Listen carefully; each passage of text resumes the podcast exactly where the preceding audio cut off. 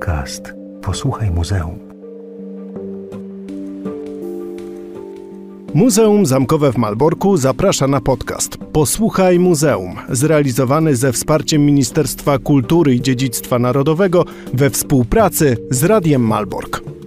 W tym odcinku dowiecie się, czym jest projekt Straty i jakie są najnowsze dokonania zespołu badającego straty wojenne w zamku w Malborku i Kwidzynie.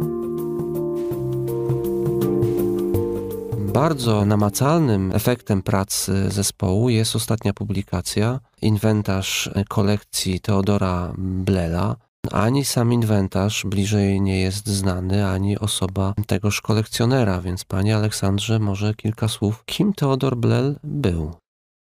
Teodor Blel był pruskim urzędnikiem. Pochodził z rodziny kupieckiej, ale sam był urzędnikiem zainteresowanym, działającym w obszarze prawa i jego, no, tak powiem, wdrażania w życie, czyli no, po prostu pracował w administracji pruskiej. Bogaty był zarówno z domu, jak i dzięki tej swojej pracy i tą pracę, no, zapewne wytężoną na rzecz pruskiego państwa, pewnego dnia postanowił jeszcze prawdopodobnie w czasie swoich młodzieńczych czy też studenckich wojaży po Europie obejrzał kilka kolekcji, jakie były wówczas bardzo modne w tym okresie, kiedy on jeździł, czyli powiedzmy w drugiej połowie XIX wieku. Szalenie modne było kolekcjonerstwo. Więc obejrzał kilka kolekcji i pewnego, z pewnej podróży wrócił do domu z planem takim, że on też taką kolekcję będzie miał. Ponieważ oglądał kolekcje różnego rodzaju, musiał odpowiedzieć sobie zapewne na pytanie, ale czego to będzie kolekcja? Te kolekcje drugiej połowy XIX wieku, zresztą tak jak i wszystkie wcześniejsze kolekcje, jakie obserwujemy w Europie, były to kolekcje, że tak powiem, wielotematyczne. Nie było takich kolekcji, zbieram to, ale całej reszty nie.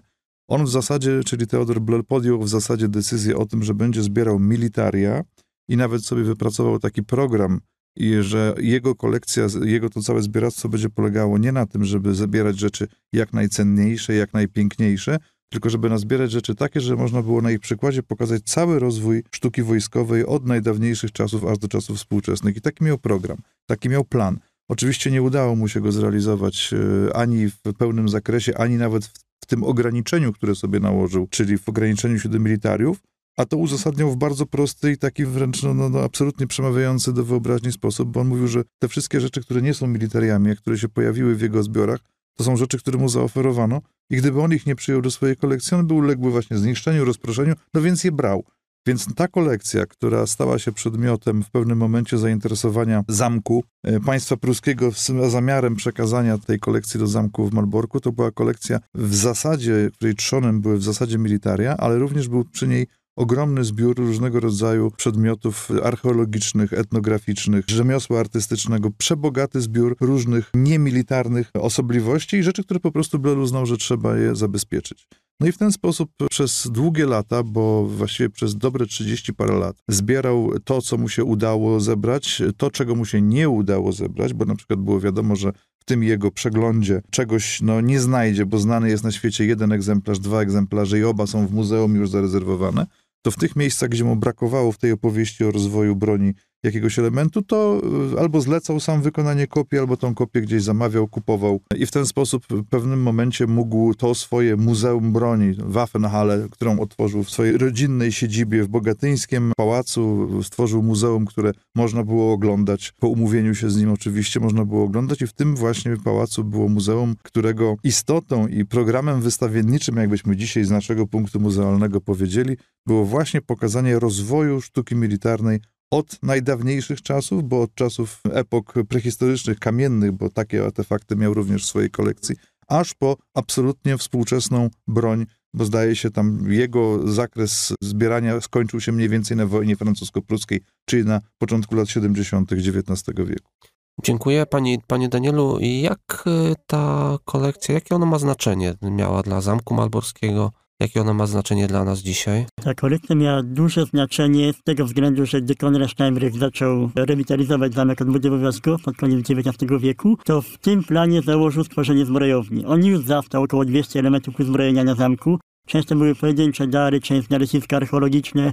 Była jedna duża kolekcja z lat 40. XIX wieku majora Pfefferkorna, która znajdowała się w Pałacu Wielkich Mistrzów, ale to było dla Steinbrechta za mało. On chciał jedną dużą zbrojownię z pokaźną mm, dostawą uzbrojenia właśnie otworzyć na zamku. i około roku 1883 spotkał się właśnie z Teodorem Brelem, prawdopodobnie w trakcie swojej podróży po Prusach i umówili się, bo Teodor Brele planował się wyprowadzić do Berlina pod koniec XIX wieku i postanowił sprzedać tę swoją kolekcję właśnie na zamek Marborku. Konrad Steinbrecht jeszcze tam starał się różnych urzędników namówić, różnych swoich przełożonych, żeby wyłożyli pieniądze na to. Napisał artykuł w Danziger Zeitung y, właśnie do społeczeństwa pruskiego o tym, że jest taka kolekcja, że powinno się ją zachować.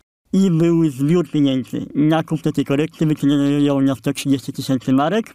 Pierwotnie 120 tysięcy, ale że kupiono ją dopiero na początku lat 90. XIX wieku, to jeszcze 10 tysięcy trzeba było dołożyć na transport z Berlina. I ostatecznie ta kolekcja trafiła w roku 1892 właśnie na zamek.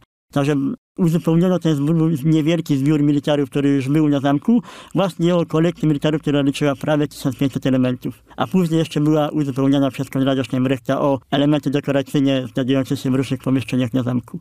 Mhm. Panie Bartłomieju, e, ta kolekcja to nie tylko militaria. Pan akurat e, zajmował się tymi artefaktami pozamilitarnymi. Co to były za przedmioty? Już kolega Aleksander Masłowski, który doskonale przełożył z języka niemieckiego na język polski ten rękopis zawierający spis wszystkich elementów kolekcji Blela. Wspomniał o tym zagadnieniu. Tam były zasadnicze trzy grupy przedmiotów niemilitarnych, artefakty związane z kulturami pozaeuropejskimi, czyli zabytki, które dziś moglibyśmy nazwać etnograficznymi, ale były też zabytki z tej grupy y, stricte związane z, z terenami rodzinnymi Blela. Te tereny to okolice Królewca, ale też właśnie Warmia, Mazury, więc etnografia, rzemiosło artystyczne w dosyć wąskim zakresie i Blel, jeśli sięgał po zabytki właśnie z, z tego zakresu, to wybierał rzeczy dosyć wysokowartościowe, unikalne, takie, które mogłyby ozdobić najznamienitsze kolekcje, z tym, że co warto jeszcze o Blelu powiedzieć, ja trochę ucieknę od tego zasadniczego pytania. Jeszcze trochę chciałbym scharakteryzować profil tego człowieka jako kolekcjonera. Warto podkreślić, że Blel był y, kolekcjonerem wyjątkowym. Być może na tle europejskim nie był prekursorem, natomiast tutaj w naszym rejonie świata, tutaj w dosyć jednak, co by nie mówić, dalekiej prowincji państwa cesarstwa niemieckiego, był osobą dosyć osobną i bardzo progresywną przyjęcie tego założenia, że on będzie kolekcjonował tylko jedną grupę przedmiotów, no było czymś zupełnie wyjątkowym. Przez cały XIX, nawet XVIII, XVIII, XIX i jeszcze początki XX wieku, no kolekcje były takie właśnie, jak to scharakteryzował kolega Masłowski, bardzo eklektyczne. One się składały z różnych grup przedmiotów, ale generalnie wszystkie bazowały na zbieraniu dawnego rzemiosła, czyli tych rzeczy najbardziej reprezentacyjnych, tych, którymi chlubiły się i dwory królewskie i w przypadku tutaj tej części Europy magnateria, szlachta, więc to, to były najbardziej powszechne i popularne grupy dawnego wytwórstwa. Natomiast, tak jak to mówiłem, Blel świadomie z tego zrezygnował. Był bardzo nowoczesnym kolekcjonerem, ten profil, który został przyjęty, absorbował zupełnie najnowsze koncepcje socjologiczne i naukowe tej epoki. On właściwie na bieżąco wciągał osiągnięcia badaczy, takich jak Darwin, jak pierwsi socjologowie, na grunt kolekcjonerstwa. Więc y, właściwie można powiedzieć z dużą dozą pewności, że był kolekcjonerem w naszym obszarze wyjątkowym i jedynym.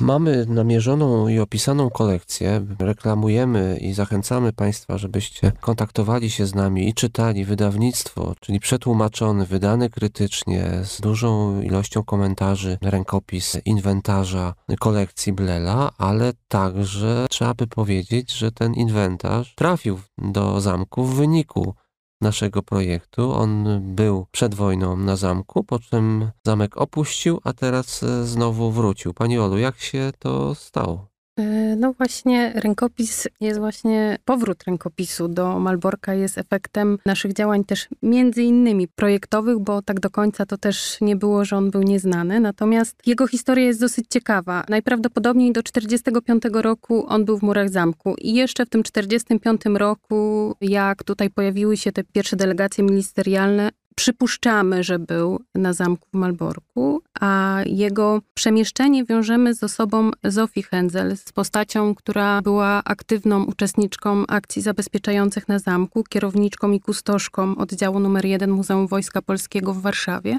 I właśnie z postacią pani Zofii wiążemy przemieszczenie e, tego inwentarza, bo w 50 roku ona została przeniesiona do oddziału numer 2 Muzeum Wojska Polskiego we Wrocławiu. I nagłe pojawienie się tego inwentarza we Wrocławiu jest dużo y, bardzo prawdopodobne, że to za jej sprawą on się tam znalazł. Y, już w latach 90. Y, dawny kustosz zbioru militariów pan Antoni Romuald Chodyński odkrył w zbiorach Muzeum Narodowego we Wrocławiu ten rękopis. Poświęcił jemu artykuł naukowy opisując kolekcję Teodora Blela na Zamku Malborskim i od tych lat 90. tak naprawdę słuch o samym inwentarzu zaginął. Dopiero w 2015 roku, podczas tworzenia wystawy Przywracanie historii losy malborskich zbiorów po II wojnie światowej, przypomnieliśmy sobie niejako o tym inwentarzu i został on po 70 latach wypożyczony na tą wystawę. A jak rozpoczęliśmy badania w 2018 nad e, projektem Straty, nawiązaliśmy kontakt z Muzeum Narodowym we Wrocławiu, które wyraziło wolę i właściwie wyszło z inicjatywą przekazania tego inwentarza do naszych zbiorów. I takim kulminacyjnym momentem było właśnie przekazanie takie oficjalne inwentarza podczas konferencji, którą zorganizowaliśmy w ramach projektu w 2019 roku. I dzięki temu i tej życzliwości Muzeum we Wrocławiu i takiej chęci oddania nam tego inwentarza, chociaż tak naprawdę nie musieli, bo nie ma takiego prawa, które by im to nakazywało, ale dobra wola z ich strony spowodowała, że nam ten inwentarz przekazali i dzięki temu my poczuliśmy, że powinniśmy tak naprawdę coś z tym inwentarzem zrobić, że powinniśmy go opracować i go zbadać po to, żeby jeszcze pogłębić ten efekt daru, który dokonało Muzeum Narodowe we Wrocławiu. Projekt się nie kończy.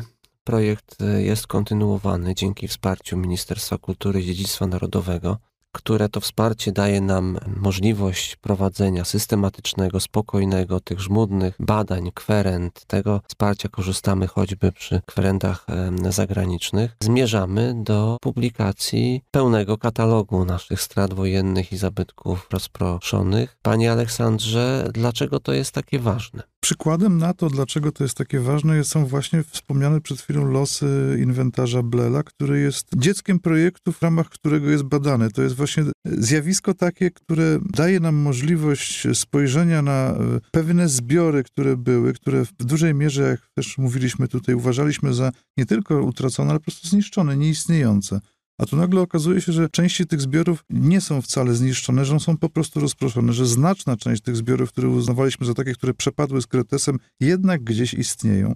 Mało tego, jeszcze cały czas ze względu na to, co robimy, może się okazywać, tak jak w przypadku inwentarza Blela, czy tak jak w przypadku fragmentu projektu ołtarza, który przecież całkiem niedawno muzeum również odzyskało na kolejnej konferencji projektu Straty, gdzie właściciel jego e, obecny stwierdził, jejku, ja nawet nie, wiedziałem, że to jest z Malborka, to ja im to oddam, to ja im to odwiozę. I takie przypadki oby były coraz częstsze.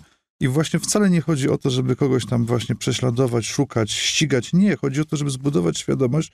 Powiedzmy sobie o jednej bardzo ważnej rzeczy. My nie jesteśmy, my Muzeum Zamkowe, nie jesteśmy kontynuatorem prawnym przedwojennych właścicieli tego właśnie zamkowego zbioru, więc my go nie badamy i nie, tego całego badania nie prowadzimy z punktu widzenia właściciela, który poszukuje swoich utraconych zbiorów, które chciałby odzyskać. Nie, na nas leży raczej rola zidentyfikowania tego, co to było, co zostało stracone. Jeżeli przy okazji niektóre rzeczy wrócą do nas albo w inne miejsca, to tym lepiej.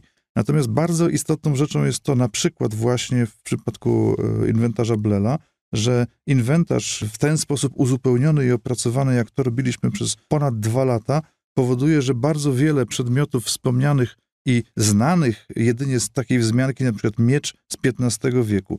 Miecze z XV wieku są na świecie, podejrzewam, że setki tysięcy, ale dzięki badaniom, które prowadziliśmy między innymi przy wydawaniu inwentarza Bleda, my możemy powiedzieć, że ten miecz ma tyle i tyle długości, miał. A na głowni taki i taki napis, czego byśmy inaczej nie wiedzieli. Przy okazji jeszcze jedna rzecz. Y, moglibyśmy na przykład wziąć ten inwentarz, czy jakiś inny dokument archiwalny, na którym pracujemy i z niego wybrać tylko to, co nas interesuje. Na przykład tylko listę obiektów.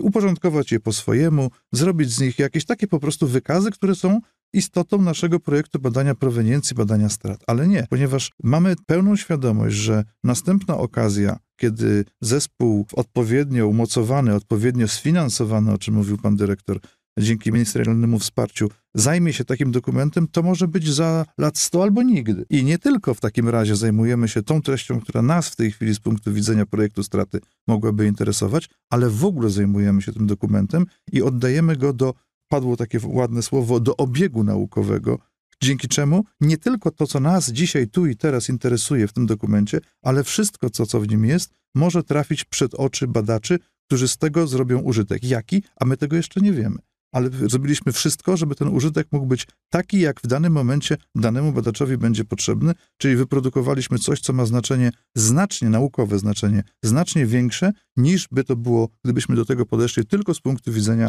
wąskiego, stosunkowo specjalistycznego podejścia naszego projektu badania strat wojennych. Warto może jeszcze dodać, że bez tego kontekstu, o którym Alex mówi, nie udałoby nam się zidentyfikować wielu obiektów, a dzięki temu, że e, patrzymy na te dokumenty globalnie i staramy się nie poświęcać tylko jemu największej ubawy, ale jest dużo dokumentów, które nam uzupełniają wiedzę na temat tego konkretnego, w związku z tym nasza wiedza może być jeszcze głębsza, tak? I tak jak już kolega powiedział, to wszystko trafi w obieg naukowy i stanie się przedmiotem takiej dyskusji badawczej, prawda, na której nam przede wszystkim zależy. Mało tego, jeszcze jest jedna rzecz tutaj bardzo pięknie i tak górnolotnie powiedział kolega Bartek o tym, jak to zbiory, dziedzictwo nie ma narodowości i tak dalej. No ja się z tym akurat nie, nie mogę zgodzić, dlatego że wszystko jest fajnie, zbiory nie mają narodowości, póki ich nie trzeba zrabować albo komuś oddać. W tym momencie okazuje się, że zbiory zaczynają mieć narodowość, i mówimy przecież, to co my w tej chwili badamy, to są straty kultury polskiej. Straty kultury polskiej, które nie wynikały z tego, że Polska nie potrafiła odpowiednio zabezpieczyć tego swojego dziedzictwa, tylko dlatego, że została najechana i okradziona. Więc też jest ten aspekt, jeżeli nie, nie, nie, jesteśmy w stanie, a w znakomitej większości tych rzeczy, albo przynajmniej dużej części tych rzeczy, nigdy nie odzyskamy. Ale miejmy chociaż świadomość tego, żeby nikt nam nie mógł powiedzieć, że nasze zbiory, że nasza kultura była inna a już broń Boże gorsza od czyjejś innej kultury, to musimy mieć dowody na to, naukowe dowody na to, że mieliśmy takie rzeczy, których wartość między innymi w tym się zobrazowała, że nam je ktoś zrabował. Tu dużo można by było jeszcze o tym dyskutować, prawda? Ale trzeba zwrócić uwagę, bo wiele jest takich głosów właśnie a propos mówienia, że zbiory niemieckie i tak dalej. Po II wojnie światowej w wyniku wielu umów międzynarodowych i statutów prawnych, jakichś aktów, te zbiory, które znalazły się na zamku, uzyskały status zbiorów polskich i na tym ja bym zakończyła tak naprawdę tą całą dyskusję. Projekt trwa. Zapraszamy wszystkich Państwa do śledzenia postępów naszych prac na wspomnianej stronie internetowej. Jesteśmy obecni w mediach społecznościowych, do korzystania z warsztatów, zajęć edukacyjnych, do obserwowania nas po prostu uczestnictwa w konferencjach naukowych, czytania publikacji, tych wszystkich efektów, o których dzisiaj tylko troszkę mogliśmy powiedzieć. Ja bardzo dziękuję moim współpracownikom, pani Aleksandra Siuciak, pan Aleksander Masłowski, pan dr Daniel Gosk i pan Bartłomiej Butryn. Mam nadzieję, że jeszcze w tym gronie spotkamy się, aby relacjonować e, następny etap projektu i następny, i następny, bo nie zatrzymujemy się Problem jest szeroki, problem jest ważny, co było dzisiaj, e, mamy nadzieję, słychać. Dziękuję Wam wszystkim bardzo. Do widzenia.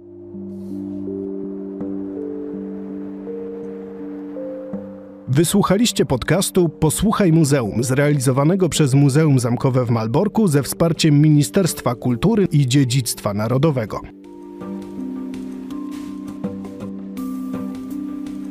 Jeśli chcecie na bieżąco śledzić projekty naukowe i kulturalne realizowane przez muzeum, zapraszamy do słuchania na YouTube, Spotify oraz innych platformach podcastowych.